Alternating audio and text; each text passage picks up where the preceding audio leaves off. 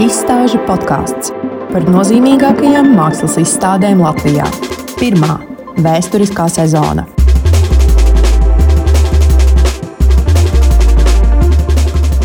Cēsu mākslas festivāls. Vai Latvijā ir vieta mākslai ārpus galvaspilsētas?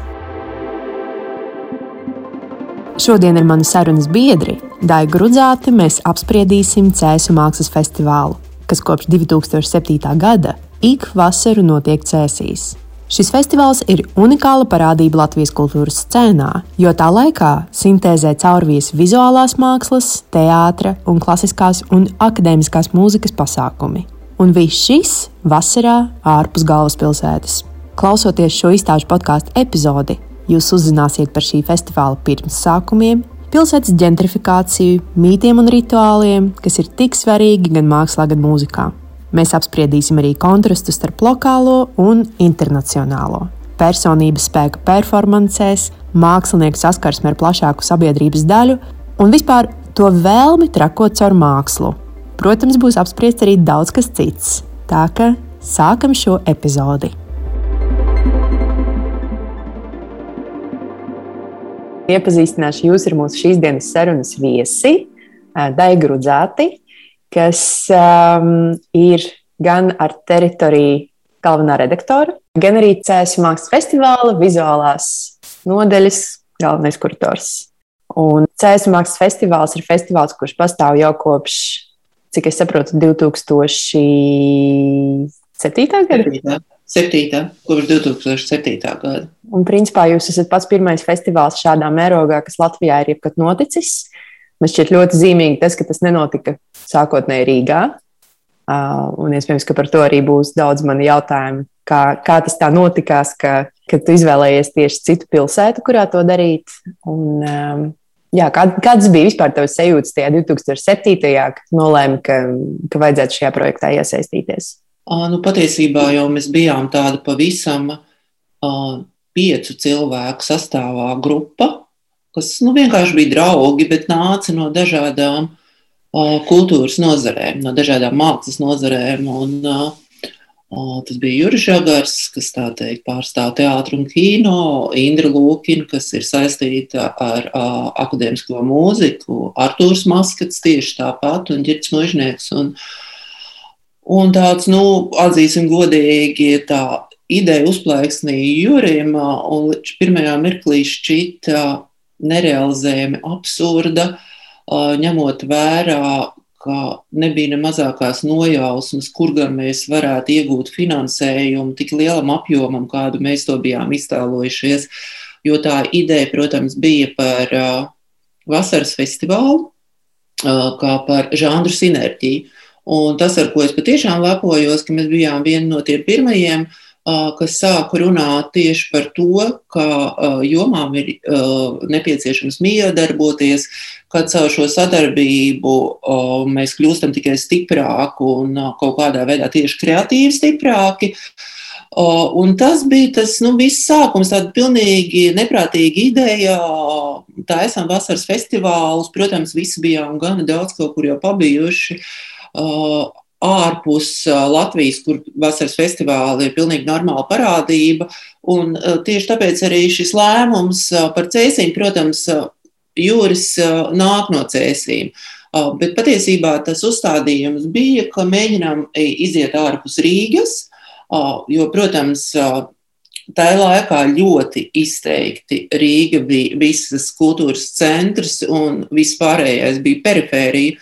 Un droši vien šī vēlme apliecināt to, ka kultūra un māksla ir nepieciešama ne tikai Rīgā, bet arī 90 km ārpus Rīgas, kas patiesībā ir stundas brauciens un neliels attālums, un ka vasarā nevienam jau no mums īpaši tai pilsētā tomēr nepatīk uzturēties, un arī mēs zinām, ka nav nemaz tik vienkārši mākslas iestādēm ar apmeklējumiem. Vasaras periodā, un tad šķita ļoti organiski, ka cilvēki izbrauc ārpus Rīgas, bet vien, vienlaikus viņi nokļūst kultūras vidē vai lielu kultūras notikumu kaut kādā iespējamībā to redzēt kaut kur visam tam savam relaksēšanās noskaņojumam pa vidu. Tāds bija tas sākums, un tā mēs kaut kā tur visu to beigu beigās tomēr arī realizējām pašiem par pārsteigumu. Un kādā veidā jūs izvēlējāties teiksim, tos mākslas darbus, un uh, mūziku un teātri, kas tieši tiks rādīts tajā pirmajā reizē? Jo man šķiet, ka ar to pašu pirmo atklāšanu ir baigi sarežģīti.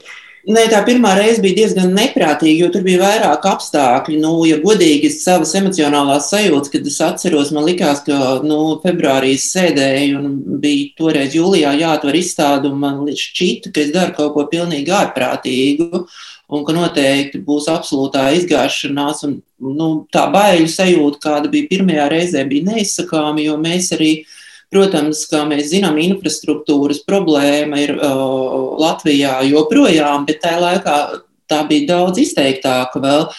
Un patiesībā mēs bijām pirmie, kas ielīja tādā industriālā teritorijā, vienkārši meklējot vietu, kur varētu notikt izstāde. Tā bija šī uh, alus darītavu kādreizējā nu, brūzes, kas ir industriālais mantojums, bezgalīgi skaists, bet tas, kad mēs tur iegājām, tas skats, kas tur pavērās tajā pamestajā rūpnīcā, bija absolūti nežēlīgs. Un tieši tāpat bija arī patiesībā arī ar mūzikas sadaļas notikumiem, jo nu, nebija nekāda koncerta zāle, bija kultūras nams, kur mēs paši krāsojām sienas, lai kaut kādā veidā vispār tas izstītos. Uh, pēc kaut kā pievilcīgas telpas un uh, brūzi mēs paši tīrījām, jo bija tā, ka bija telpa, kur piedalījās mākslinieki. Nu, tur tas bija. Mēs bijām melnā mutē, aizsargtērpos, un nu, no šodienas skatu punkta kaut kas diezgan neticams, jā, bet tas entuziasms un kaut kāds tas trakuma lādiņš tajā brīdī, cik ļoti gribējās to izdarīt, bija. Un, um, nu jā, nu, tad, tad tas nozīmē, ka, ja kaut ko ļoti gribās, tad iet paši un tur no kurtuvē, piemēram, kuru mēs sākām izmantot, un kas pēc tam bija viena no skaistākajām telpām uh, rūpnīcā, kamēr mēs tajā rūpnīcā uzturējāmies, tur bija pilns ar izdeģiem, kurus mēs uh, vienkārši vedām ārā malnām mutēm.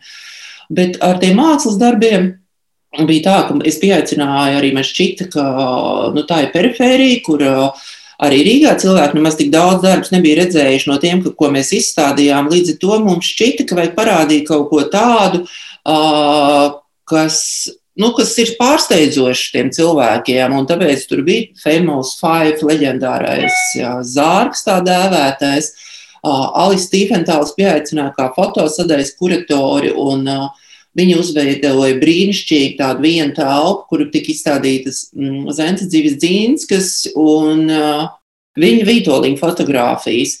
Un, uh, nu, jā, nu tas, tas bija kaut kāda aizrautība, un, jā, un tajā kurtuvē mēs bijām uzbūvējuši tādu milzīgu laipu un pirmoreiz izmantojām profila prožektorus, kurus aizņēmāmies no operas. Un, uh, Tur, manuprāt, bija ģirta gleznas, jā, toreiz. Bet tas viss bija tāds, it kā lai radītu cilvēkiem pārsteigumu, jo, protams, šis famous five uh, leģendārais uh, uh, zārks, ja darbs ar nosaukumu Time Will Show, patiesībā bija tajā brīdī jau parādīts Eiropā kaut kādās vairākās izstādēs, bet tā arī nebija eksponēts uh, Latvijā nekad. Un, Un tad bija šī vēlme parādīt to, kas notiek tajā ainā vispār. Protams, tas, tā, ja es tā paraugos, tas tā bija izstādīta bija salīdzinoši ļoti neliela, bet, nu, jā, tur bija vairāk lielu formātu darbi, kas svarīgi. Uh, un, uh, protams, tas, ka tas notika pirmo reizi, pirmo reizi industriālā teritorijā, un, nu, jā, un tad tai jūlijā, kad mēs to atvērām, nu, tas mums pašiem bija pārsteigums, ka tas viss izdevās. Uh, tā sinerģija lielā jau sekoja pēc tam starp tām jomām, jo pēc tam tika veidoti vairāk projektu, kur sadarbojās vizuālā māksla ar mūziku. Bija tas teika par kurbadu, piemēram, tāds brīnišķīgs projekts, kas notika Cēsīs vidē. Mēs veidojām tādu, bija arī tāda populāra lieta, kā mēs taisījām dažādas konferences un publiskās sarunas, kur pieaicinājām dažādus cilvēkus par daudz ko runāt. Nu, tas bija tāds ļoti kreatīvs process, kur kaut kā soli pa solim mēs tās idejas ģenerējām kopā. Ja? Un patiesībā tas jau nekur nav pazudis, jo arī tā šī gada izstāde, kas tomēr bija veltīta mītiem un rituāliem, bija dziļā sasaistē nu, ar to, ka mūzikas programmā bija Vāgners, kas, protams, vistiešākajā veidā ir vienmēr bijis saistīts ar mītiem un rituāliem, un arī mākslā ir atstājis tādu ļoti izteikt nospiedumu. Vāgnera mūzikas interpretācijas vai Vāgnera sižetiskās interpretācijas ir ļoti plaši zināma lieta gan mūsdienās, gan, gan mākslas vēsturē. Un, protams, tā sinerģija vienmēr kaut kur līdzās stāv, un tieši tāpat arī ar kino programmām, kuras mēģina parasti kaut kā ievirzīt.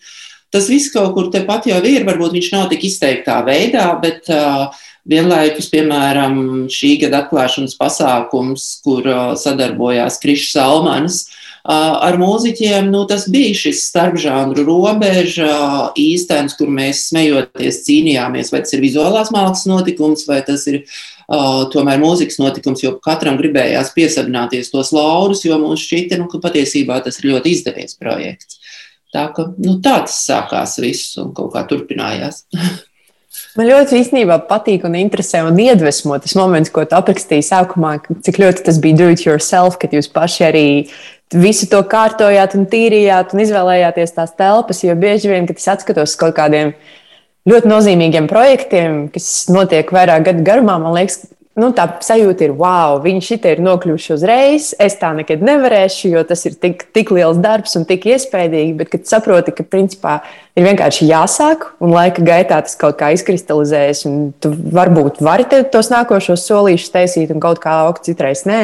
Eh, bet man liekas, tas mākslas festivāls ir ļoti iedvesmojošs, jo arī um, tieši tā, tas sinerģijas moments, man liekas, Latvijā ir ļoti svarīgs, jo bieži vien pret vizuālo mākslu varbūt tas skatītājs nav tikpat atvērts kā pret kaut ko, kas ir saistīts tieši ar. Um, ar kaut ko, kas ir balstīts laikā. Man liekas, ka mums ir daudz vienkāršāk uh, kaut kādā ziņā pasaukt cilvēkus atnākt uz koncertu, kad viņi zina, ka tas ir no septiņiem līdz deviņiem un viņi ierodas konkrētā laikā.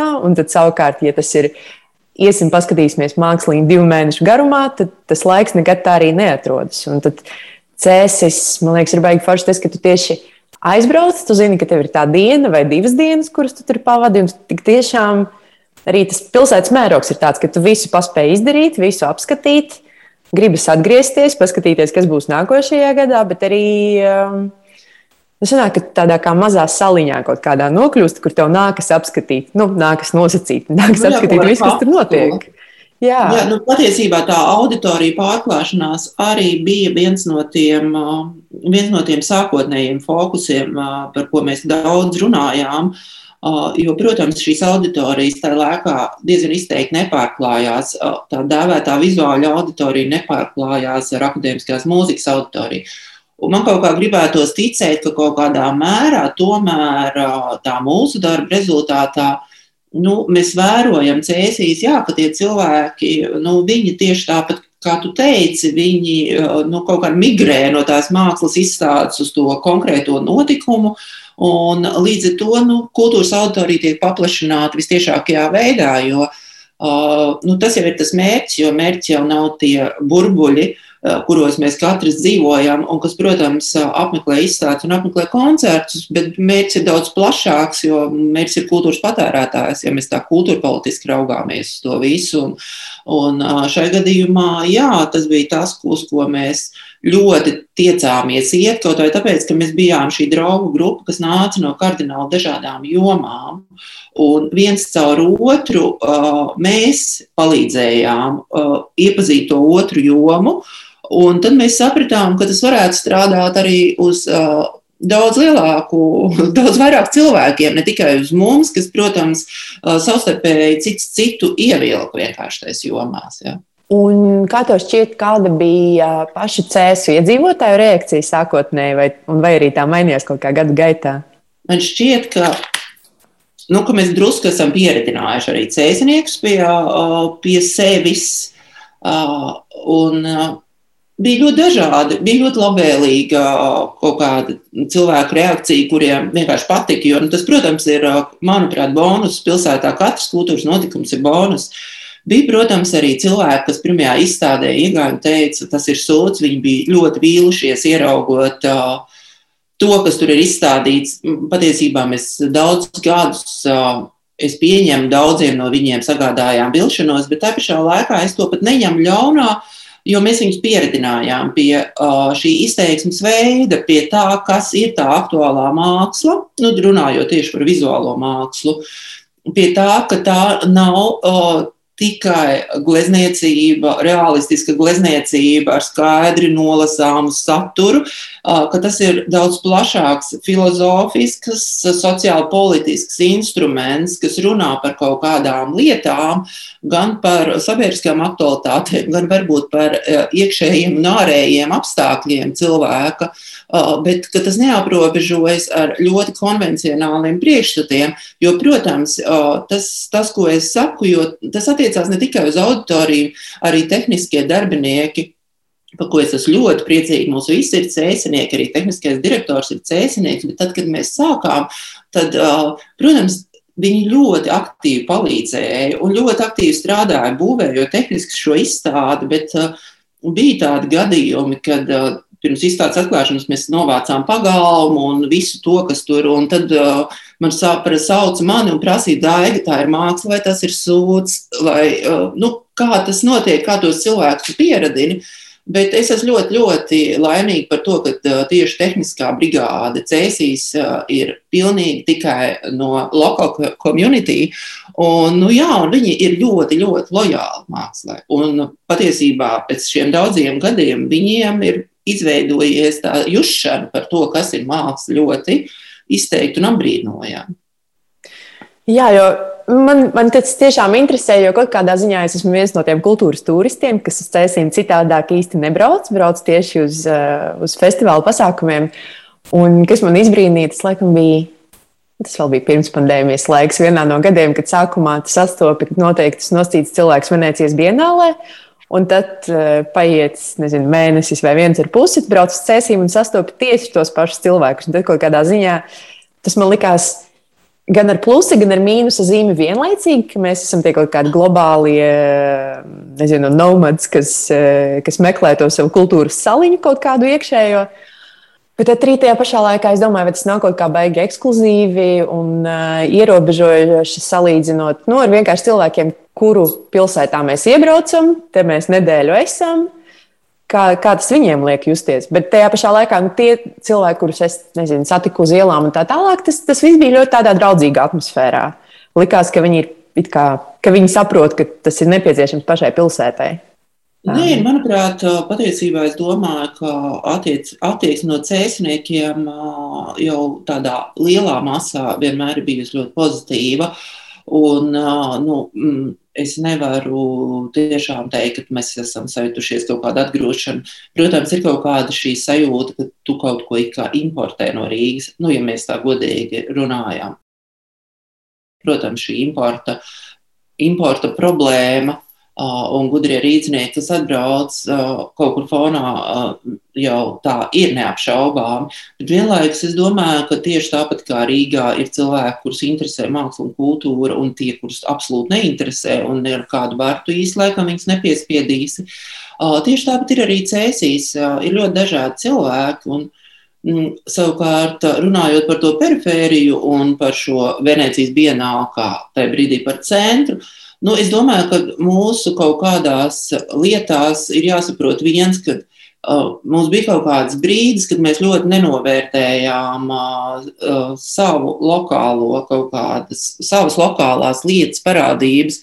Un varbūt tā pandēmija ir izdarījusi kaut ko arī pozitīvu, ka mēs saprotam, ka nu, kaut kāda pašcieņa mums, varbūt, es ceru, ļoti iedevusi, jo mēs spējam novērtēt, ka jā, Venecijas bienāla tas ir patiešām kaut kas augstākais profesionālisms, nu, tomēr mums var patikt vai nepatikt, bet tas ir šis, tā teikt, zvaigžņu laukums, un vienlaikus mēs apzināmies to, ka tā mūsu kultūra aina vai mūsu mākslas aina, nu, vai kāda viņa nebūtu, tā arī ir vērtība, un tieši tāpat, man liekas, ir svarīgi saprast, jā, nu, ka tai perifērijai ir tieši tāda pati vērtība kā Rīgai, un ka drusku mēģināt paplašināt gan tās savas mentālās, gan tās arī tīri fiziskās robežas. Un, un, un tikai tā jau kaut kāda procesa patiesībā var sākt cirkulēt, jo kamēr mēs balstamies tikai uz to, ka viss notiek vienā punktā, vai ka viss notiek kaut kur ārpusē, tur ārpusē, uz kurienu mēs izlaužamies, tad patiesībā stagnē uh, visa māksla un bez šīs pašvērtības apziņas, bez tā, ka mēs esam vērtība un ka mēs spējam kaut ko izdarīt un spējam diskutēt un drīzāk sadarboties un domāt, kā mēs varam izdarīt, bez tā es esmu sapratusi, ka īsti, nu, ka īsti nekāda attīstība nav iespējama. Un es tiešām domāju, ka tā pandēmija, kas mūs piespieda nosēdēt Latvijā to pusotru gadu daudzus, un kas, protams, nebija vienkārši, uh, Bet nu, kaut kas labākais, ka tu sāki saprast, ka kaut kādas lietas arī notika. Vismaz tā ir tā mana iekšējā sajūta. Jo pirmais pusgads tās ir tā teikt, apmēram jau tev ir spazmas, un tad tu kaut kā tajā visā iedzīvojies un kaut ko novērtē. Un man šķiet, ka nu, tas ir tas svarīgākais novērtēt, un, un arī novērtēt to, ka uh, uh, tā auditorija ārpus Rīgas ir tikpat svarīga un viņi ir tieši tāpat jāciena. Un, kad tā ir vieta, kur izpausties, kā, kā Rīga. Vienkārši laikapstākļi Latvijā ir pelēki, melni, un, un infrastruktūra arī ir tāda, kāda tā ir. Jo šobrīd Cēlā koncerta zāle, piemēram, ir ar ļoti augstu statusu, un uz turieni brauc rīznieks koncertiem. Uh, tajā brīdī, kad es ļoti ceru, ka tur būs arī šis lemtīgās mākslas centrs, ka arī tur notiks dzīvība un ka cilvēki brauks uz izstādēm arī ziemā, tur ne tikai vasarā. Ja? Jo, nu, protams, tas ir arī valsts kultūra politikas jautājums un um, par to, kā, kā šī valsts redz savas kultūras attīstību un apzināšanās par to, cik šie centri perifērijā ir nozīmīgi. Viennozīmīgi piekrītu, jo man liekas, tas arī ir tāds nedaudz sociāli filozofisks jautājums par to, vispār par to, kas ir perifērija. Jo kaut kādā ziņā mēs Latvijā kā tāda esam perifērija, kas ir diezgan sarežģīta definējama, un tad pilsētas, kas ir ārpus Rīgas, Mums liekas, ka viņas ir vēl vairāk perifērijas, bet ne obligāti. Jo kāda atšķirība, kurā vietā spēlēt Wagneru, ja tev ir eh, tikpat brīnišķīga zāle, tikpat brīnišķīgi muzikanti kā, kā jebkur, vai tas ir Rīgā, vai tas ir Beirutā. Tad, jā, nu, Wagners ir Wagners, Fischeris ir Fischeris, neatkarībā no tā, vai mēs viņu redzam Venecijā vai, vai Cēsmāks festivālā kaut kādā ziņā. Un tas otrādi dod tādu, nu, man liekas, to iespēju jebkuram uh, izbaudīt mākslu, kultūru, iepazīties ar kaut ko. Un, eh, Jā, man šajā ziņā nav nekāda aizsprieduma. Mēs jau vienmēr braucam ārpusē pēc kaut kādiem kairinātājiem. Nu, būsim godīgi, tas, kas mums to, dod to baudas sajūtu, bet uh, nu, var braukt pēc šīs baudas sajūtas, un ir jābrauc uz Berlīnu, bet var braukt arī uz cēsīm, jā, kas ir daudz vienkāršāk realizējams, jo tā ir tikai stunda, jā, nu, nav lidostas.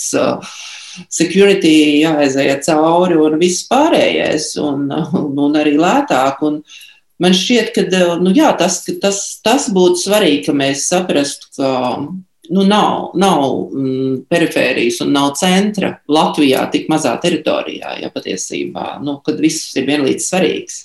Man šķiet arī interesanti tas, ka Cēsis bija viena no kandidātu pilsētām kultūras galvaspilsētē 2027 Latvijā no Latvijas puses. Un, ja tā paskatīties pēc iedzīvotāja daudzuma, nu it kā diez vai ja, uzvarēt. Bet tajā pašā laikā, kad kad cēsis izskanēja kā kandidāts, man tas likās ļoti loģiski, jo mēs esam tik ļoti pieraduši pie cēsīm kā kultūras pilsētas tieši šī festivāla dēļ. Un, um, tas, tas likās, nu, protams, ka cēsis var uzvarēt, jo viņiem ir tas festivāls, kurš notiek. Un tas, tas arī ir uh, kaut kas, ko mēs šeit mūsu politiķi un arī gan kultūras, gan nekultūras cilvēki nesaprot, cik ātri tās pārmaiņas notiek. Tie ir kaut kādi 15 gadi, un mēs uz pilsētu skatāmies pavisam citām acīm. Es neatceros, kā es izturējos pret cēsīm līdz 2007. Nu, neatceros, bet, bet es esmu pārliecināta, ka man nebija tieši tādas pašas attieksmes, ka, nu, nezinu, cēsis vai krāslo man nozīmē plus mīnus vienu un to pašu manā prātā, kultūras ziņā. Un tagad tas tā nav. Un tas ir pateicoties nu, tas, tev. Uh, jā, tas, tas ir tas varbūt tas veiksmes stāsts, un par to jau ir uh, ļoti liels prieks. Jā, un, uh, kā festivāla direktors Juris Žagars teikt, sist pie krūtīm un teikt, jā, mēs uz to gājām un mēs to panācām. Bet, jā, bet tas, tas bija tā gluži loģiski kaut kā. Nu, ta, ta, tas bija vienkārši neprātīgs entuziasms, bez kā laikam nekas šajā pasaulē vispār nevirzās uz priekšu. Uh, jo nu, mm, entuziasms bija vajadzīgs visam.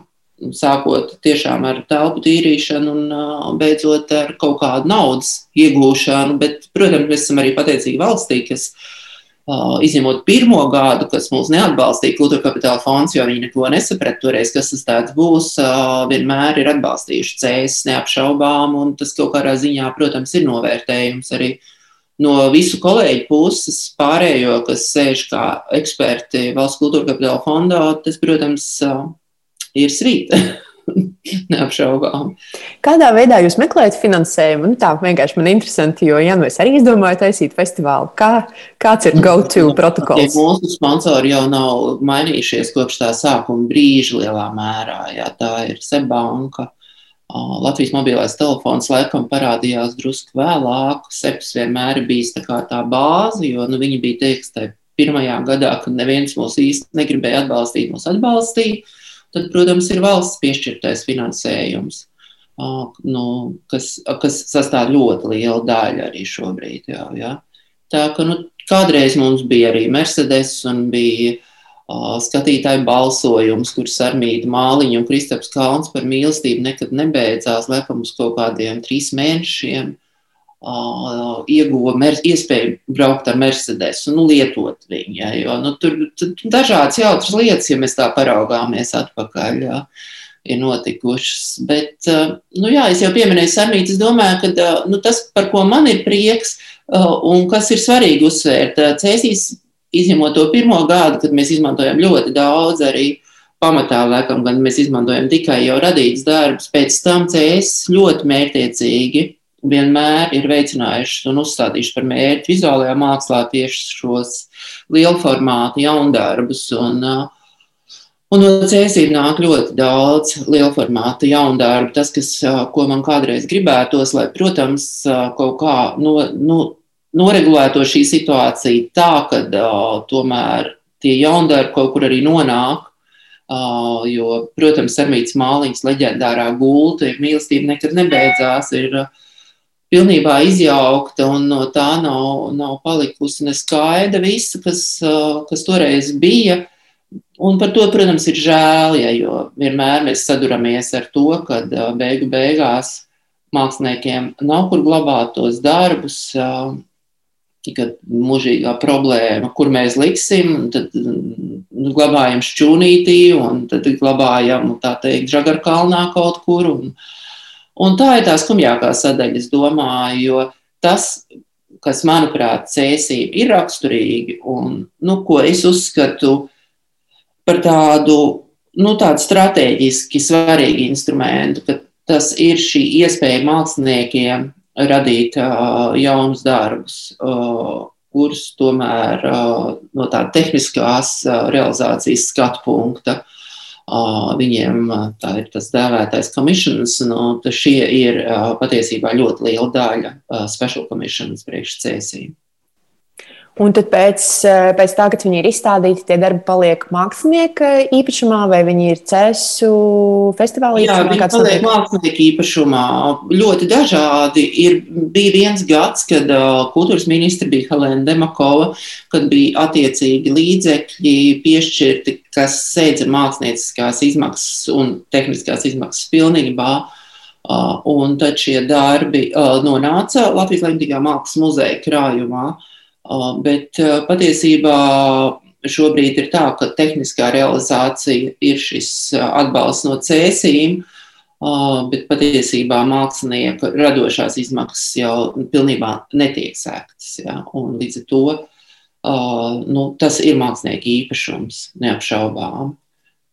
Bet katrā ziņā šī jaunradas veicināšana vai jaunradas atbalstīšana man vienmēr ir licies, ka nu, tas ir tāds fokus, kas ir tas svarīgākais. Un es nesaku, ka viss ir bijis ģeniāli un ka visas izstādes ir bijušas absolūti lieliskas, ir bijušas veiksmīgākas, ir bijušas mazāk veiksmīgas, ir bijušas ļoti labas. Bet, jebkurā gadījumā, tas kreatīvais process tādā kaut kādā lokālā ainā ir stimulēts. Un tas, man liekas, vissvarīgākais, zinot to, cik liels problēmas ir māksliniekiem finansiāli radīt lielformātu darbus. Nu, jā, gan, gan finansiālais aspekts, man liekas, ir sarežģīts, gan arī tas vienkārši, ka mm, vietas ziņā nav jā, bieži vien iespējas to izstādīt. Un arī Rīgā man šķiet, nu, jā, vienmēr mēs runājam par to, ka nav laikmatīgā mākslas muzeja, bet arī publiskajā telpā tomēr mēs neesam tik rūtīti, lai, lai izstādītu lielu formātu darbus. Un šajā mm. ziņā varbūt tiešām perifērijas pilsētas ir nedaudz pretīmnākošākas šajā ziņā. Jā, tieši tā. Kaut gan mana pārliecība ir, ka, protams, pēdējo notikumu kontekstā, kad kas leģendārais sienas glaznojums, es domāju, ka kaut kādā veidā mūsu vidē pašiem ir jāsaprot, ka mēs zināmā mērā esam par to atbildīgi par šo izveidojušo situāciju. Jo, jā, mēs, kā tu pareizi teici, Mēs neesam izgājuši ārpus muzejiem un galerijām, mēs neesam pilsētvidē aktīvi strādājuši, izliekot uh, mākslas darbus. Tam ir daudz dažādu, protams, iemeslu, un ir arī šis skarbais finansiālais iemesls. Bet mēs neesam mērķiecīgi mēģinājuši izkļūt no sava burbuļa un ārpus galerijas un uh, muzeja telpas, un tādā veidā, tieši tāpat kā Cēsis savulaik, uh, nu, centās pieredzināt tos cilvēkus pie tā, ka tev var patikt, var nepatikt, bet tas tev nav šoks. Un, tas, ko šī pierādīja šis sienas gleznojums, tas jau pierādīja šoku un to, ka cilvēki principā nepārzina absolūti aktuālās mākslas izpausmes veidus. Jā, tas profesionālajai telpai bija absolūti pilnīgi šokējoši. Dzirdot to, ko cilvēki tur saskatīja vai par ko viņi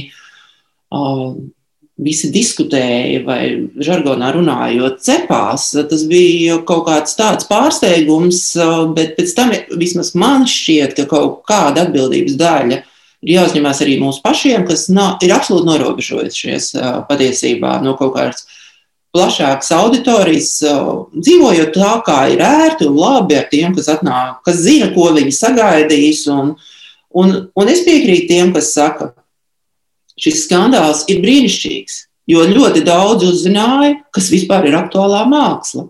Un, uh, Stāsts ir par to, ka uh, viņiem var patikt, var nepatikt, bet lai nebūtu šīs šoka terapijas, jo nu, šī bija šoka terapija, acīm redzot, ko mēs paši pat neapzinājāmies neviens.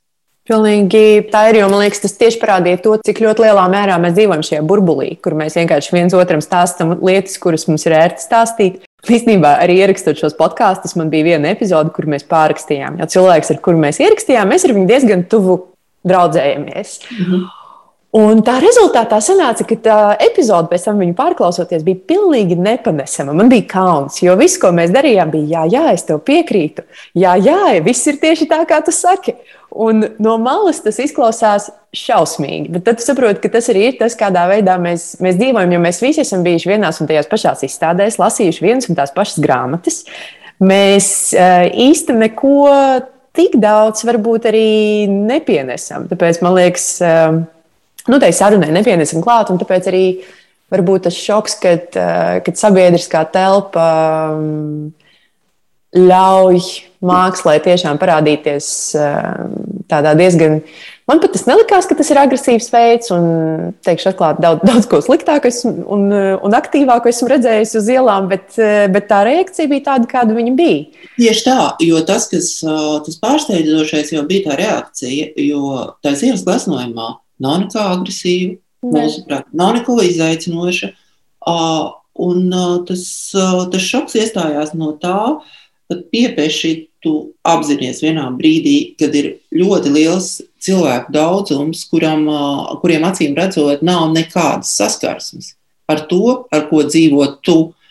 Un, patiesībā atbildīgs jau esi tikai nu, tu pats par to. Ja, jo, nu, manuprāt, tā ir tā arī tā atkal ir tā nelaimīgā stratēģija, tas nodēldētais vārds, kad domāt par to, kā mēs to local community iesaistām, ar ko šobrīd, protams, startējam. Tas ir modes vārds šīs uh, lokālās pilsētas sabiedrības, kā viņas tiek iesaistītas muzeja dzīvē, galerija dzīvē un kā mēs tiecamies paplašināt auditoriju. Un tas jau norāda tikai to, ka mēs neesam to auditoriju nevēlu paplašinājuši patiesībā viss. Ja? Un uh, tas veids, manuprāt, ir tāds, tie cilvēki nenāks labprātīgi uz muzeju. Uh, Tas veids ir tā, ka tā māksla iziet uz ielas, viņa iet kaut kādās publiskās telpās, tā ir kultūras stratēģija. Es domāju, ka arī neapšaubāmi valsts un pašvaldības būvēm būtu jābūt nu, brutāli piestumtām ar mākslu, lai tie cilvēki redz, ka tāda lieta vispār pastāv. Un lai viņiem nebūtu šī pārsteiguma un šoka. Man šajā ziņā ļoti pozitīvs piemērs liekas Čikāga kā pilsēta, jo viņiem ir tas 0,1% likums, kur jebkura ēka, kas tiek būvēta, viņai publiskajā telpā, kas ir apkārt vai iekšā lobbyis vai kas tas nebūtu, 0,1% no sava budžeta ir jāiztērē uz jaunu mākslu. Un, uh, Nu jā, tas ir pārsteidzoši, ka tu ej pa pilsētu, un tā šeit ir kūns, šeit ir vēl kaut kas. Un tas tagad ir lieli vārdi, kuri maksā miljonus. Bet saproti, ka to brīdi, kad tas tika tur, nezinu, 70, 80, 90 gados celts, bieži vien tie bija pavisam jauni mākslinieki, kuriem tika dota šī iespēja. Un, um, Un tas atbalsts kaut kā, nu, tas, tas nav pat simtprocentīgi valsts atbalsts, jo skaidrs, valsts ir pieņēmusi, vai tajā ziņā pilsēta ir pieņēmusi šo likumu, ka, ja jūs kaut ko jaunu būvējat, jums ir publiski, tad jums arī ir jā, jā, jāieguldās mākslā. Un tas nav tā, ka tas ir pavisam no, teiksim, no nodokļu maksātāja naudas, bet uh, tas, tas, tas man likās, ka ir diezgan interesanti metode, kādā veidā to publiskajā telpā ienest. Jo tas, tas man pārsteidza mākslas daudzums. Tiešām nu, visur. Visur. Tu ej garām jebkurai ēkai, kas ir pēc 70 gadiem celta Un ir vienkārši tāds, wow, kā viņi šo ir dabūjuši gatavu.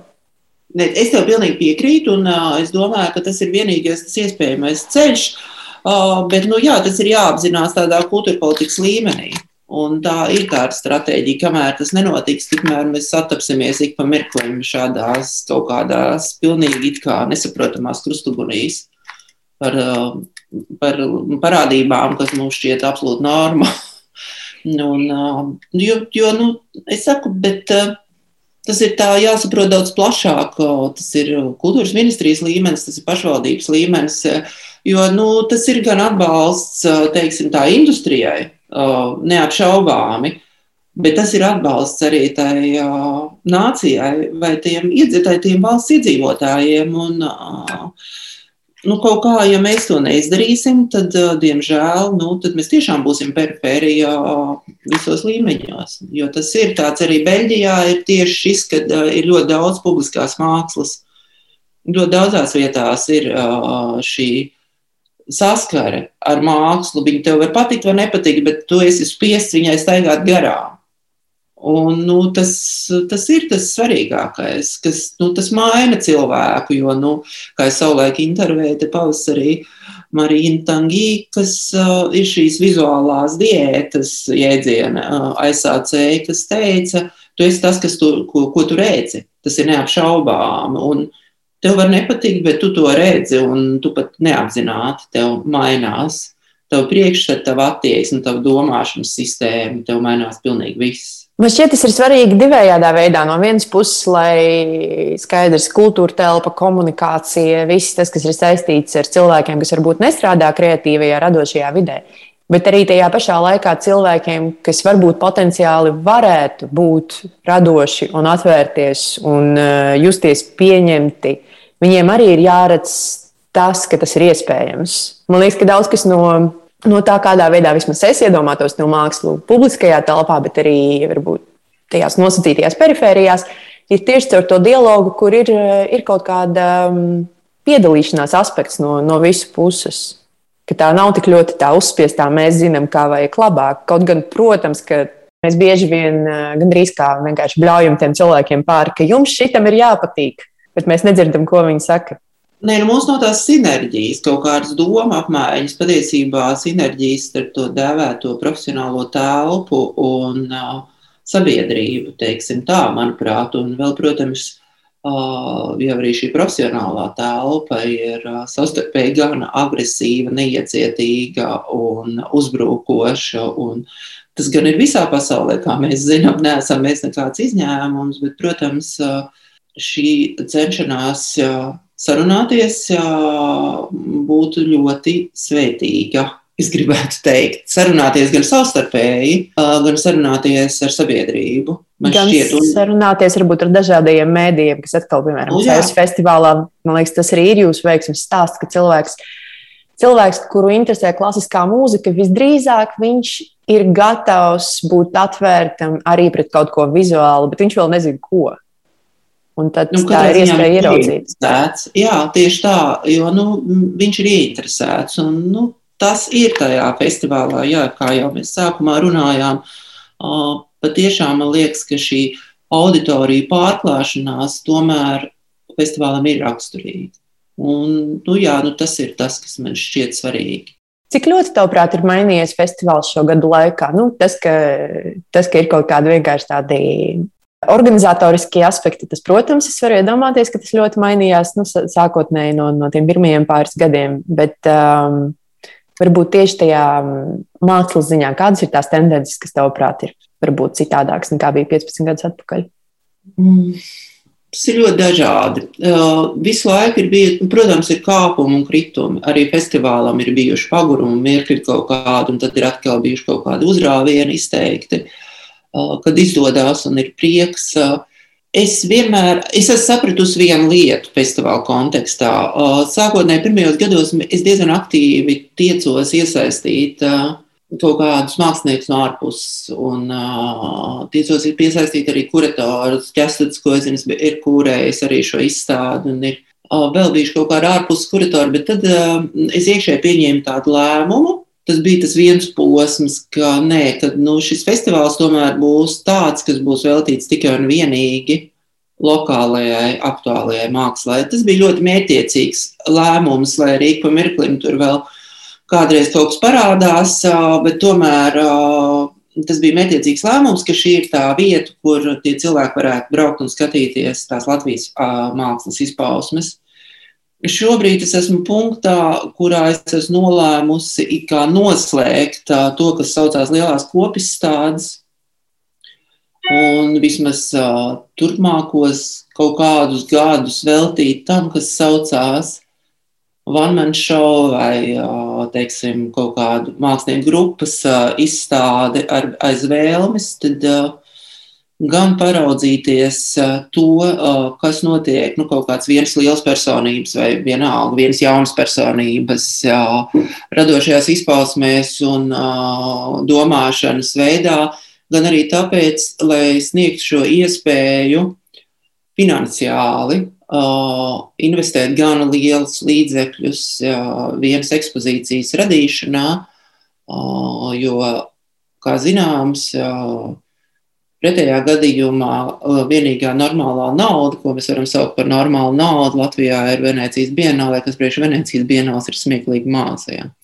Um, bet, jebkurā gadījumā, tā ir kaut kāda summa, kura mēs rēķinamies ar kaut ko ļoti lielu formātu. Vien, jo es esmu sapratusi arī, protams, uh, arī cēsu nauda, tomēr tas nav gan pietiekami, lai tu radītu tādu ļoti lielu, lielu formātu projektu. Un tāpēc arī nākamā gada vasarā būs šis Evits Vasiljās un Kaspara Groševa koprojekts Zilā lagūna. Patiesībā pa abiem šiem tā dēvētā cēlā laikmatīgās mākslas centra stāviem un iespējams arī uz terases jo tas aizsāks kaut kādā mērā to, kas, ko es mēģinu tagad izstāstīt, ka šis būs nu, mākslinieks duets šai gadījumā projekts, un tāds tas fokus vismaz kaut kādus gadus noteikti paliks. Bet tas, kas svarīgi, kad pēc šiem gadiem, kur mums vienmēr bija arī izstāžu namā, notika klasikas izstāde, un tur bija, bija Silmārs Blumbergs un Džems Kulma, Maitabak un daudz citi. Uh, Mēs atgriežamies pie izstāžu nama pēc daudziem gadiem, un es ceru, ka mums izdosies arī realizēt šo Bruno Vasiljevska izstādes projektu, mm, jo es sapratu tā, ka ir vajadzīgs šis līdzsvars starp tām aktuālajām izpausmēm, tīri auditorijas ziņā, un starp to, ko mēs varētu dēvēt par 20. gadsimta klasiķiem, Kaut vai tāpēc, ka, lai parādītu, ka nekas jau nerodās tukšā vietā, ka šī viena izpausme ir kaut kādā veidā izaugusi no tās izpausmes, pat ja viņa galīgi nav līdzīga tā teikt, ne pirmajā, ne pēdējā acu skatienā, bet lai parādītu šo nepārtrauktību, ka nu, mums ir šī kaut kādas vērtības, kas ir radītas 20. gadsimtā, un šeit ir šīs uh, aktuālās izpausmes. Un tā, tās ir tā, tā, viena no tām lietām, tā, pie kuras es atgriežos pēc daudziem gadiem, jo sākotnēji šķita, ka nē, nu, tas tomēr nē, mēs ejam tikai to aktuālās mākslas ceļu. Un otra ir jā, šī vēlme tad, ļoti konkrēti paraudzīties uz kaut kādām konkrētām personībām šodienas ainā. Tas ir tas kaut kāda tā transformācija. Es vairs neatceros jautājumu, kā tu jautāji, ko es pastāstīju. Tas bija apmēram par to. Tas, tas, jā, tā arī bija. Uh, jo, nu, jā, tā ka, nu, kaut kādas tās transformācijas notiek, ik, ik pa mirklim viņas nav tādas mērķiecīgi izdomātas, ja godīgi runājam. Uh, viņas ir kaut kā tādas organiskas, ir, protams, kaut kādā sasaiknē ar kaut kādiem notikumiem, piemēram, šī uh, tā dēvētā mm, izstāde, kas saucās Tūplāns, close-ups, kur bija uh, Edvins Strautmanis un Svens Lukins un visi, ko mēs atvedām no Ņujorkas, tā, protams, atradās šī korelācijā ar simt, ar valsts simtgades visu šo pasākumu kopumu.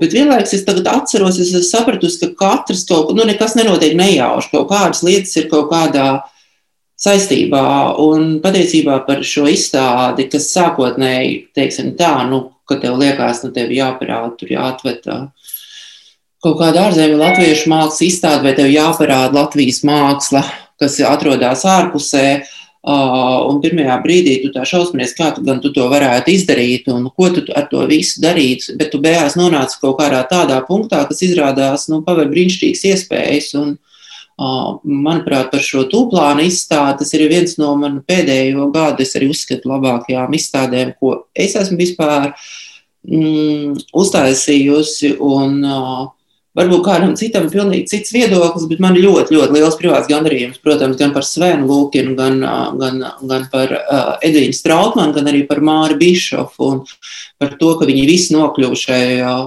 kaut kādā vienā telpā, un uh, arī par to, cik viņi tomēr ir izcili un lieliski mākslinieki, un uh, par to viņu lomu, kas neaprobežojās tikai ar Latvijas kultūra telpu, bet apliecina to globālo arī sadaļu. Ja. Tā, ja, kā, ja kāds no mūsu klausītājiem nezina, kas ir Edvīds Strautmans, jo es teikšu, atklāti, es līdz jūsu izstādē nezināju par viņu vispār. Es nezināju, ka viņš pastāv, es nezināju, ka viņš ir no Latvijas. Es biju kaut kur redzējis viņa darbus. Kaut kādos vēstures eh, attēlos par abstraktiem ekspresionistiem Ņujorkā nekad nebūtu iedomājies, iedomājusies, ka viņš ir no Latvijas. Uh, Un uh, es uzskatu, ka visiem, kas viņu nav redzējuši, ir vismaz jāiegūglē un jāpaskatās, jo tie darbi ir fantastiski. Tas tiešām, es saprotu, kāpēc to saistīja ar Latvijas simts, jo tas, tas ir kaut kas tāds, ar ko ir jālepojas. Viņa darbi ir nu, tiešām kultūra vēsturiski ļoti svarīgi. Un, uh, Jā, bet arī tas, ko tu stāstīji, man šķiet, bija līdz tam par to, ka tagad jūs esat atnākuši pie tā formāta, kur tiek uh, rādīti arī nu, nosacītie modernismu klasiķi. Uh, Man liekas, tas arī ļoti labi sasaucas ar to, ko tu iepriekš teici par to, ka tā sabiedrības daļa kaut kādā ziņā ir bijis jāizglīto. Man liekas, tas ir tas izglītojošais aspekts, jo mēs tiešām nezinām, ir milzīgs rops ļoti lielai daļai sabiedrības par to, kas ir noticis 80. un 90. Un es brīnišķīgi saprotu, kādu politisko pārmaiņu dēļ mēs īsti negribam varbūt uz to tik ļoti skatīties tādā plašā lokā, kad mēs izvēlamies nosacītus trīs māksliniekus, definējam mūsu pašus kā, ok, ir šie trīs, un mēs bijām tādi. Bet tad mēs tā esam kaut kā, man liekas, noignorējuši diezgan lielu, lielu daudzumu no tā, kas notikās to brīdi. Un tagad mēs to iepazīstam pa jaunam. Vismaz es priekš sevis iepazīstu pa jaunam. Un arī caur šiem podkāstiem. Jo pirmās divas um, epizodes mums viena ir par to izstādi, kas ir daba, vidi, cilvēks, un otrā mums ir par maigajām svārstībām. Mhm. Un par abām šīm izstādēm es zināju, bet es zināju kaut kādus kanoniskos darbus. Es varbūt nezināju tik daudz uh, par visu pārējo. Un tagad, kad par to ir palasīts un parunāts, es saprotu, ka nu, tur tik daudz kas ir noticis 80. beigās un 90. sākumā, par ko tagadējie 20 gadnieki un 30 gadnieki pat vispār neiedomājas. Man ir sajūta, ka viņi, viņus par to īsti nemāca. Nu, ne skolā, nekur par to netiek runāts. Varbūt arī to materiālu nav tik daudz, jo tā pagātne vēl nav tik ļoti pagātne, lai mēs viņu kaut kā dokumentētu tādā, nu, tādā oficiālā veidā. Un tad, jā, tā rezultātā ir tāds baigais rops zināšanās. Pat Nē, mākslas vidē esošiem cilvēkiem. Nu, patiesībā jau tas ir arī šis tas, uh, mūžīgais jāievazirdziņš, jā, kad nu, nav jau iespēja apskatīties to 20. gadsimtu otro pusi, tomēr tādā plašā spektrā. Uh, nu, protams, ir muzejā, ir kaut, kādas, kaut kas no tā ir izstādīts, bet nav tāds, nu, tā ir, tas ir infrastruktūras jautājums. Protams, ka nav iespēja to visu redzēt un uh, kaut kā saprast arī to schēmu sistēmu, varbūt kādā, kādā tas viss ir funkcionējis, jo patiesībā jau, nu, ja mēs runājam tieši par 80. gadu beigām, 90. gadu sākumam, tas jau bija tāds milzīgs uzrāviens, manuprāt, uh, un kas, jā, kaut kur drusku uh, izplēna tukšumā patiesībā arī de, visi 90. šobrīd, ja, kas ir visas lielās saras centra izstādes, ļoti, ļoti lielas, profesionāls, ambiciozas izstādes. Un arī, tā... arī paši tie darbi, viņi visi ir tik ļoti liela formāta. Mēs tagad esam aizgājuši kaut kādās tādās komerciālos mazos rāmīšos, man šķiet. Mm. Jo es, es laikam arī pirms šo podkāstu ierakstīšanas nebiju apzinājusies, cik normāli priekš tiem laikiem bija, gribas teikt, bliest piecmetrīgus darbus. Nu, tādus tiešām, tiešām, tiešām lielus. Tā, tā bija tā norma. Un tagad ir tā sajūta, ka tā norma ir kaut kas, kas ir A4 formātā, ko var viegli nofotografēt un ielikt Instagram. Un it kā negribās arī par to Instagram tik ļoti gausties, bet tajā pašā laikā, nu, ir, ir ļoti, ļoti liela kaut kāda tāda plaisa starp šiem diviem izpausmes veidiem. Un, Jā, protams, kaut kas ir aizgājis, jo nu, varbūt ir, es teikšu tā, kapitālisms diktē pragmatismu neapšaubām, un droši vien, ka tas juku laika neprāts ir kaut kur pazudis vienkārši, varbūt. Vai šī vēlme brīvi izpausties, jo nu, tas tiešām, bet es baigi grūti to pateikt, jo tādā kultūra politikas līmenī daudz jau arī nu, bija tās iestrādes kaut kādas. Tā šausmīgi grūti analizēt. Nu, es, man bija galīgi maz kādu, bet nu, maijās svārstībās bija ļoti, ļoti jauna. Bet, uh, nu, protams, šīs pašas mākslas dienas. Bet es atceros, ka es atbraucu no laukiem, jo es arī esmu meitene no laukiem, izgāju cauri stācijas tunelim, un tur stāvēja Ojārs Petersons un, un vilks, no, novilka savus grafikus uz vietas. Man ir viena no tām grafi, lielformāta grafikām, viņa, kuras es toreiz dabūju kaut kāds nu, galīgais pusbērns, tīns patiesībā. Un Petersons bija ļoti, ļoti jauns.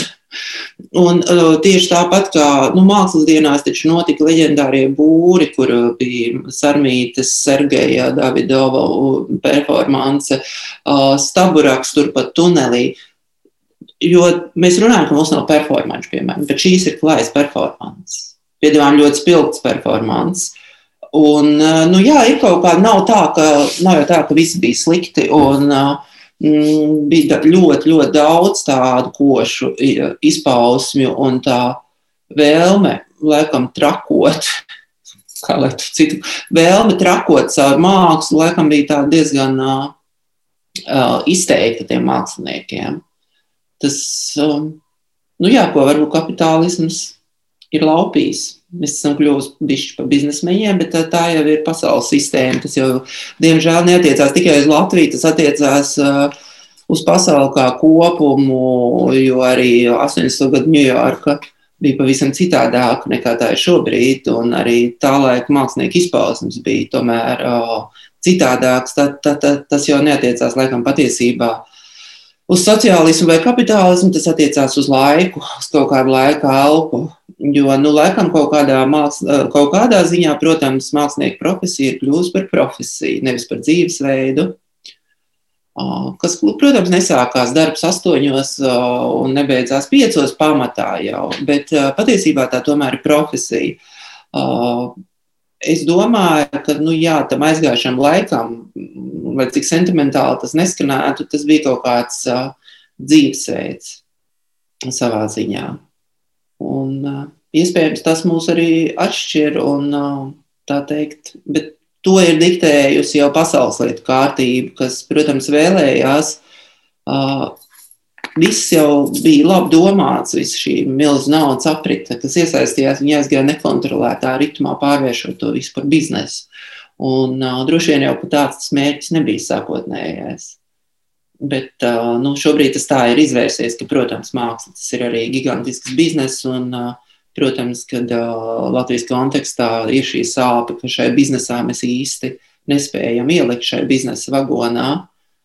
Mēs neiekļaujamies, jā, tas šobrīd ir diezgan smags jautājums. Un tam ir daudz dažādu iemeslu, gan objektīvi, gan subjektīvi. Un, var jau būt vienmēr likās, ka, ne, nu, protams, tas ideālais gadījums tomēr beidzētu, jo tikai caur galerijām uh, un caur starptautisko vidi uh, māksla, protams, Latvijas māksla var kaut kādā veidā teorētiski kļūt drusku globālāk. Bet uh, vai šai situācijai tas ir iespējams? Es domāju, pagaidām pavisam noteikti nē. Lai arī, protams, cilvēki, kas šeit atbrauc, uh, kaut vai uz to pašu purvīšu balvu, viņi ir pārsteigti un viņiem ļoti patīk viss, bet uh, lai māksla spētu iziet ārpusē, tur daudz vairāk priekšnoteikumu vajadzīgi. Jā. Jā, jo ir arī kaut kāda spēles noteikumi, pēc kuriem tas, eh, tas viss ehm, darbojas, un mēs vienkārši neiekļaujamies. Jā. Mēs, mēs neiekļaujamies tajos parametros, mēs esam ļoti sarežģīti definējami, pārāk mm. sarežģīti definējami priekš uh, lielākās daļas kolekcionāru un institūciju. Un uh, tajā pašā laikā mēs neesam pietiekoši eksotiski tomēr priekš, priekš viņiem nosacītajiem viņiem. Mēs, mēs esam tādā jocīgā situācijā, kur mēs bijām neesam... 90. gadu sākumā. Jā, tā. jā. Mēs bijām īstenībā eksotika 90. gadu sākumā. Un, uh, nu, ir tāds uzskats, uh, ja nebūtu sācies Persijas līča karš. Pirmais, tad iespējams daudz lietas būtu bijušas savādākas vismaz daudziem Latvijas māksliniekiem, kuri izbrauca uz tām pirmajām izstādēm Amerikā. Bet, nu, acīm redzot, arī tas ir kaut kāda likumsakarība, liktenis, un viss ir noticis tā, kā tas ir noticis. Jā, bet jā, tā eksotikas laikmets esam aizlaiduši garām. Bija kaut kāds īsts, pavisam īsts mirklis, bet bija. Mm -hmm. Man arī interesē tas jautājums par performancēm, jo tiešām cilvēki bieži saka, ka mums viņas nav. Uh, bet tajā pašā laikā es vienkārši iedomājos, labi, Baltijas ceļš, vai tā nav performance? Vai tas neparāda, ka, ka, ka kaut kādā ziņā performances bija tik ļoti normalizētas sabiedrībā to brīdi, ka jebkurš varēja tajā piedalīties? Ne, protams, bet performancē man liekas, ka tas performances spēks ir organika. Tieši tāpat kā Ničam, tas viss, ko viņš ir darījis, ir vienmēr bijis organisks. Un tieši tāpat kā Sarmītē ar Sergejām bija normāli gulēt būrī vai kopā ar Tilbergu ielīst skafandros, ja tiklīdz tas nav organiski, to skatītājs jūt, un tas vairs nestrādā. Jo, protams, performance ir šis ļoti mirklīgais un ļoti spēcīgais vēstījums, ko es gribu pateikt. Un, ja es to vēstījumu samākslot kaut kādā veidā, izdomāju, un tikai tāpēc, ka es gribu to darīt, tas nestrādā. Tur ir Nu, jā, nu, tur ir kaut kāda, mm, nu, ir šis trakuma elements, arī neapšaubām performancē uzrīkstēšanās elements, nu, kas mm, Andrim Grīnbergam, protams, savulaik bija ļoti izteikti. Ja. Bet, nu, jā, bet šobrīd, manuprāt, ir, ir sarežģījumi ar performancēm. Es piekrītu, jo man liekas, ka bieži vien performances kļūst ļoti teatralizētas, kad viņas tiek pārāk spēcīgi izplānotas un pazūd tas pats galvenais kaut kāds moments, kur mākslinieks īsti nezina, kā tas beigsies un kas ir tas skatītājs un kādā veidā tas kustēsies. Jo, ja viss ir tieši pēc plāna, nu, tad tas ir vienkārši kaut kāds teātris triks, kur tu ilustrē kaut kādu ideju, bet nenotiek tāpat galvenā maģija, kurai, kura performancēs ir. Nē, es tev pilnīgi piekrītu. Jā, un var jau būt, ka tās nelēmīgās mākslas dienas, ko es te pieminēju, ko es saku, es atceros stipri miglāju. Uh, bet uh, nu, tā bija visa performance, jo arī Ojārs pie tā tūlēļ patiesībā tā bija īstena performance. Ja? Un tā, ka tu ļaujies tam, un ka tev ir kaut kāds nu, notikums, kurā tā visa pilsēta, nu, tas kaut kādā veidā, protams, to, manuprāt, attīst, tev padara brīvu un uh, Uh, bet tad, kad tev ir viena performance, kaut kur notiek piepiešanās, deklarēs, ka tev notiks performance, un tu saproti, ka tev sanāk tie cilvēki speciāli uz tevi. Tas, tas, protams, kaut kādā ziņā tas ir per, arī, per, arī tas ir performance elements. Bet tajā brīdī ir jābūt ļoti, ļoti spilgtam, jo performance paģēra arī kaut kādas aktieriskās dotības, publiskās telpas sajūšanas dotības. Tā ir ļoti sarežģīts žanrs, tomēr, manuprāt. Un, uh, nu, gal galā, ar ko tad paņēma bojas, ja mēs paraugāmies, sēžot būrī. Nu, ar to savu spēku, jā, viņš spēja tajā būrī sēdēt un, un piesaistīt tos cilvēkus. Jā. Un ir jābūt, tas ir arī runa par personības spēku, neapšaubām. Par to, cik spilgta vai cik nu, attraktīva vai cik, pārliec, cik tā pārliecība, kas tev, uz kuras tu balsties, tas background stāsts, cik spēcīgs uh, tas ir, lai gluži enerģētiski tu to tomēr novadītu līdz auditorijai, jo, nu, protams, performance ir arī par enerģētiku, jā, neapšaubām. Tā kā tās enerģijas sāk tur cirkulēt, tad jau viss arī notiek. Jautājums, vai tās enerģijas vispār to sāk darīt. Man vienmēr ir fascinējušas un interesējušas performances, bet tad, savukārt, kā, kā galerists, es saprotu, ka tas nav kaut kas tāds, ar ko es varu Bet negribas lietot vārdu pelnīt, vienkārši eksistēt, tā, jo tas ir nu, tāds vis, eh, visbrīvākais no finansiāliem kaut kādiem ierobežojumiem eh, un iespējām, laikam, mākslas veids, vismaz tā šķiet pirmajā mirklī. Um, tajā pašā laikā man šķiet, ka performance ir tieši tas, ar ko visefektīvāk mākslinieks var komunicēt ar kaut kādu plašāku sabiedrību. Redzi, es arī tā visu laiku domāju, un tad es izlasīju, pareizāk sakot, neesmu izlasījis, esmu palikusi pusratā darbu dēļ Rudolfa Cvirnera memoārus, kas ir iznākuši. Kā zināms, Rudolfs Cvirners ir viens no ķēnsmes dibinātājiem un leģendārā Dāvida Cvirnera tēvs, var sakot, hrestomātiska personība rietumu mākslas pasaulē. Un lai arī šie memoāri varbūt nav tā aizraujošākā lasāmviela, tā dod brīnišķīgu priekšstatu par to, kas notiek tātad ķelnē šai 20. gadsimta vidū, vai precīzāk sakot, jau otrā pusē. Un tad, kad viņš ķelnē atver galeriju, viņš taisa tur performances. Un patiesībā tas, ko kā es sapratu, ko viņš iegūst no šīm performancēm, jo, protams, viņš neko nenopelna, viņš nopelna ar darbiem, bet viņš iegūst auditoriju un iegūst klientūru caur šīm performancēm. Jo, manuprāt, Protams, tas ir milzīgs ieguldījums, tās ir investīcijas, tas uh, ir darbs no galerista puses, bet tas neapšaubāmi. Es nezinu, vai tas strādā mūsdienu Rīgā, man nav ne mazākā priekšstata, bet tas ir tāds kaut kāda lieta, ko var interesanti pamēģināt. Manuprāt, kāds galerists kādreiz, ko Astrīda īstenībā kaut kā darīja arī šoreiz, ka tas nu, pievēl tos cilvēkus, jo viņiem visiem ir konkrēts laiks, kad viņiem jāierodās tas, ko tu teici. Uh, Tev ir konkrēts laiks, kad jau jāatnāk uz koncertu. Viņiem ir konkrēts laiks, viņiem jāatnāk uz performance, un šoreiz tas un tas tur performē. Un tas ir kaut kāds instruments, kā tu pēc tam pārdot tā performatoru darbus. Tā vismaz es sapratu no to, to Cirnera stratēģiju, jo jā, nu viņš bija tāds, kurš uh, tieši uzsākot savu ķēles galeriju, veidoja tur performance. Un tā es atzīstot, ka tajā brīdī viņš neko nepelnīja šim performance. Jā, jā, tas vienkārši atkal parāda to, ka ir nepieciešams kaut kāds tomēr finansiālais um, background atbalsts no, no ģimenes puses, iespējams, lai cilvēks varētu tos pirmos kaut kādus 2, 3, 4, 5 gadus tādā veidā darboties, jo Cvirneram tas tomēr bija. Un tas Jā, ir kaut kas tāds, ko mēs bieži vien uh, vispār runājot par māksliniekiem aizmirstam, ka viņiem visbiežāk tomēr ir kaut kāda saistība ar finansiālo brīvību. Viņiem ir tas laiks, kurā radīt Un, uh, Es tev pilnīgi piekrītu, jā, jo mākslinieks ar septiņiem darbiem, viņš vienkārši, ja mēs atgriežamies pie tā, kas saucās trakuma elements, kas mākslā ir gan svarīgs vai neprāta elements, jā, un šī gadījumā ne psihi, kā psihiska novirza, bet kā ekskluzīva parādība, tad, manuprāt, skrienot starp trīs mākslas skolām un tiecoties pasniegt kaut ko, es uzskatu, ka tas ir ļoti svarīgi, jo tā ir komunikācija ar jauno paudzi vai mēģinot vispār kaut kā visu laiku domājot par naudu.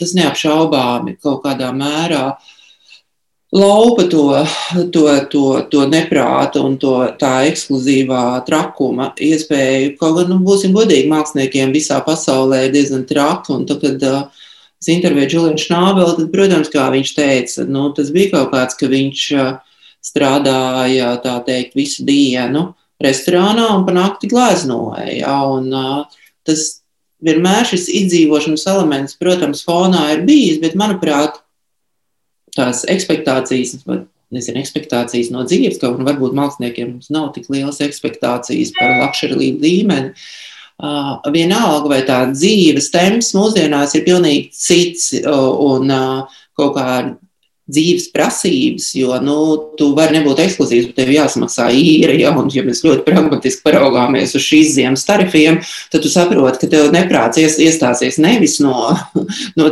no, no, no radošuma, bet neprāts tev iestāsies no elektrības cenas. Ja. Līdz ar to, protams, ka, nu, ir, ir arī gluži objektīvi apstākļi, kāpēc kaut kādas lietas vai kaut kādā laikmetā nonāk tajā punktā, kurā tās nonāk. Ja, un, šis, diemžēl, ir ļoti nežēlīgs tāds uh, laikmets, kurā it kā no vienas puses cildina kreativitāti ļoti izteikti un apzinās to, ka uh, kreativitāte ir vajadzīga visur un ka patiesībā mākslinieku pienesums arī tādā biznesa zinātnes un jebkurā citā vidē ar to netradicionālo domāšanas veidu ir gan būtisks. Uh, Tā pašā laikā, protams, uh, tas ļoti sadzīve tevi ļoti piezemē, neapšaubāmi.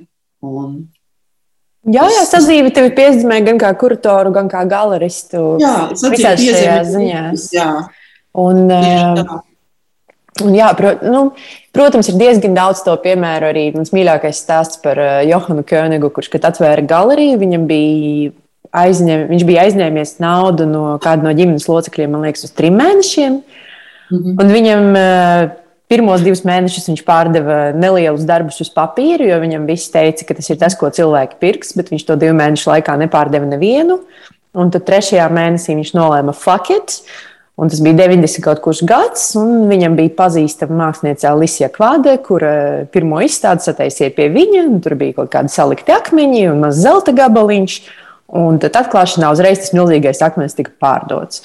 Un tas ir man liekas, ļoti ilustratīvs stāsts par to, ka nu, mēs nevaram pielāgoties tam nosacītajam tirgumam un savai idejai par to, ka kāds vienmēr gribēs tos mazās eh, papīra lapiņas, jo izrādās, ka pārdot vienkārši akmeni ar brīnišķīgu stāstu konceptu un fantastisku mākslinieku ir. Eh, ir iespējams. Tas, tas, protams, ir iespējams, bet tajā pašā laikā man šķiet, ka Latvijā mēs arī saskaramies ar to, ka tie ambiciozākie mākslinieki bieži vien arī aizbrauc projām. Vismaz jaunajā, jaunākajā paudzē, teiksim, tie, kas ir jaunāki par 30 gadiem, labi, viņi šeit varbūt sataisa bakalauru, un tad parasti uz maģistratūru jau aizbrauc. Un tas, cik daudz no viņiem atgriezīsies, arī ir ļoti liels jautājums. Jo man liekas, ja šeit nav tās mākslas infrastruktūras, tad diez vai viņi šeit redz nākotni priekš sevis ilgtermiņā.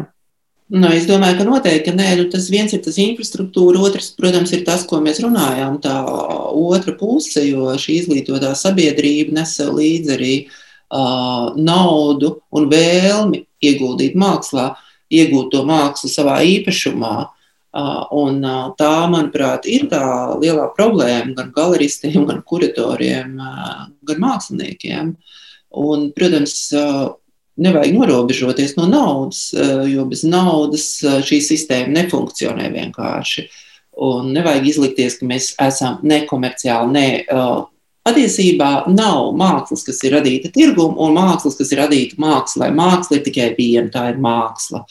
Un jautājums ir par to, vai mēs spējam to pārdot, vai mums ir patērētājs, kas ir gatavs tajā investēt, vai nevis investēt, bet kuram vienkārši tas patīk un kurš grib šo kvādu akmeni mājā, tāpēc, ka grib. Nu, tas ir tā kā es savulaik intervēju Žilu Fušu, kurš aprakstīja savus kolekcionēšanas pirmsākumus, un es pat neatceros, man, diemžēl, laikam tas bija Daniels Birēns, kurš, kur, no kura viņš bija nopircis, es atvainojos Parīzē, čurātavas sienu, atnesis mājās un skaties, domājis, kāpēc es to esmu nopircis. Es neko no tā nevēlu, nesaprotu, bet, bet viņam ir šī iekšējā vajadzība. Nu, es gribu nopirkt to. Es gribu, lai tas ir nevis nopirkt fiziski, bet es gribu, lai tas ir ar mani.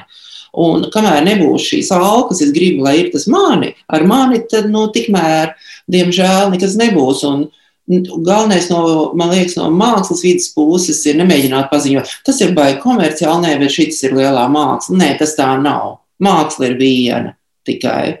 Jautājums ir par to, par to klientu vai par to auditoriju. Un, nu, jā, un tā, tas ir tas, tad, lai kā mums negribētos, kaut kādā veidā ar to auditoriju ir jānodibina kontakts. Sēs mērķis savai bija kļūt kaut kādā veidā atvērtiem. Tā vēlme kaut kā pārklāt auditorijas, sarunāties ar dažādām jomām un nevis pateikt, es neko nesaprotu no mākslas, es neko nesaprotu no mūzikas. Nu, tas ir visvienkāršākais. Milzīgs paldies Daigai Rudzātei par atsaucību un šo sarunu par Cēsu mākslas festivālu. Sekojiet izstāžu podkāstam. Šajā sezonā jūs gaida vēl vairākas epizodes. Izstāžu podkāsts ir Fonda Mākslē veikt telpa, organizēts sarunu raidījums. Tapis ar valsts kultūra kapitāla fonda mērķa programmas Kultūra Elpa atbalstu. Raidījumos paustie viedokļi ir subjektīva rakstura un nav neviena ietekmēti vai pielāgoti. Fonds Mākslē veikt telpu ir projekta idejas autors un realizētājs. Izstrādājot struktūru, nav iejaucies sarunu saturā. Raidījums vada mākslas pētniece Alise Cāreva. Projekta vizuālo identitāti veidojusi Luīza Rukšāne, bet audiovizuālo noformējumu podkāstam veidojas Kaspars Groševs. Ar jums bija ēterā Alise Cāreva. Lai jums jauka šī nedēļa un līdz drīzam!